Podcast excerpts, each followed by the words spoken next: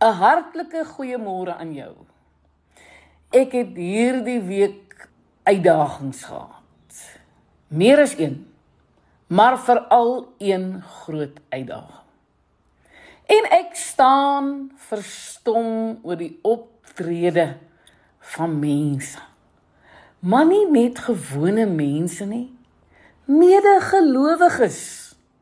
Ja, daar was 'n insident en uh ek was uit die veld geslaan oor die optrede van 'n medegelowige.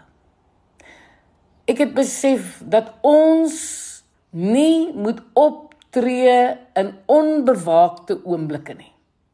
Ek het net weer eens besef dat ons altyd moet stop en dink voordat ons optree. Ek het besef dat wanneer ons optree, moet ons altyd vir onsself die vraag afvra: Op watter platform staan ek?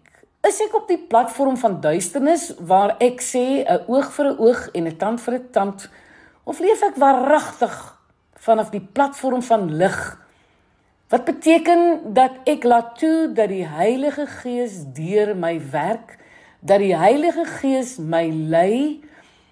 Waar staan ek voordat ek mense antwoord voordat ek optree? Dit is baie moeilik om vanaf die platform van lig vol van die Heilige Gees as ambassadeur van Christus op te tree indien jy nie doelbewus daar leef nie. Ek het 'n gewoonte dat wanneer ek saans opstaan of liewe soggens opstaan, want ek staan op partykeer saans op met die beerdkrag. Maar nietemin, ek het 'n gewoonte om wanneer ek opstaan vir my YouTube musiek aan te sit. En wel, ek luister graag na Bethel se musiek. En dan voordat ek uit die huis uit gaan, het ek so 'n paar liedjies geluister om my gees vol te maak van God se gees. Dit maak dit vir my net makliker wanneer ek gekonfronteer word deur die wêreld en deur ander gelowiges wat nie doelbewus van die platform van lig leef nie en moet glad nie 'n fout maak nie Ek maak ook foute, ek is net 'n mens.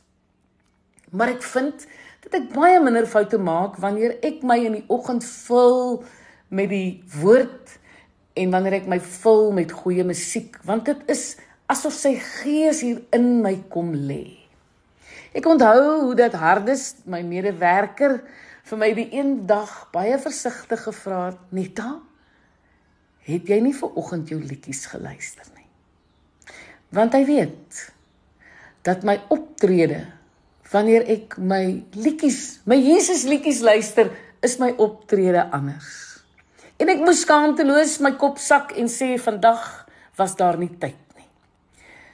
Ons betaal 'n prys wanneer ons nie gevul is met die Heilige Gees nie. 'n Prys dat ons nie ons getuienis van Christus leef nie. Ek wil hê jy moet vandag weet dat ek en jy ambassadeurs vir die koninkryk is. God het ons geroep daartoe. Hoe gaan hierdie wêreld weet dat Christus lewe as hulle dit nie in ons gesindhede kan sien nie? As hulle dit nie in ons harte kan sien nie, as hulle dit nie in ons optrede kan sien nie. En daarom wanneer Paulus skryf en hy sê julle moet bly wees as julle op allerlei maniere beproef word, het ek hierdie week weer besef daar's waarheid in daardie skrif. Dit maak glad nie sin nie. Dit is nie die menslike reaksie nie. Wie is nou verheug as dinge moeilik gaan wanneer daar swaar kry is? Maar Jakobus het meer in gedagte gehad. Dit gaan nie net oor die kortstondige gevoel van hartseer wat ons vir 'n tyd beleef nie. Vir God gaan dit oor veel meer. Hy kyk na die groter gedeelte. Wanneer ons hierdie oorwinnings behaal, wanneer ons hierdie eksamen slaag, ontvang jy die kroon van die lewe. In Grieks noem hulle dit die Stefanus of die laurierkrans. En hierdie laurierkrans is die kroon wat die dra wat in Christus oorwinnaars is. Deur die genade van die Here kon ek as 'n oorwinnaar uit die stryd tree hierdie week. Loof die naam van die Here. Ek is Lenet Beer vir Radio Kansel.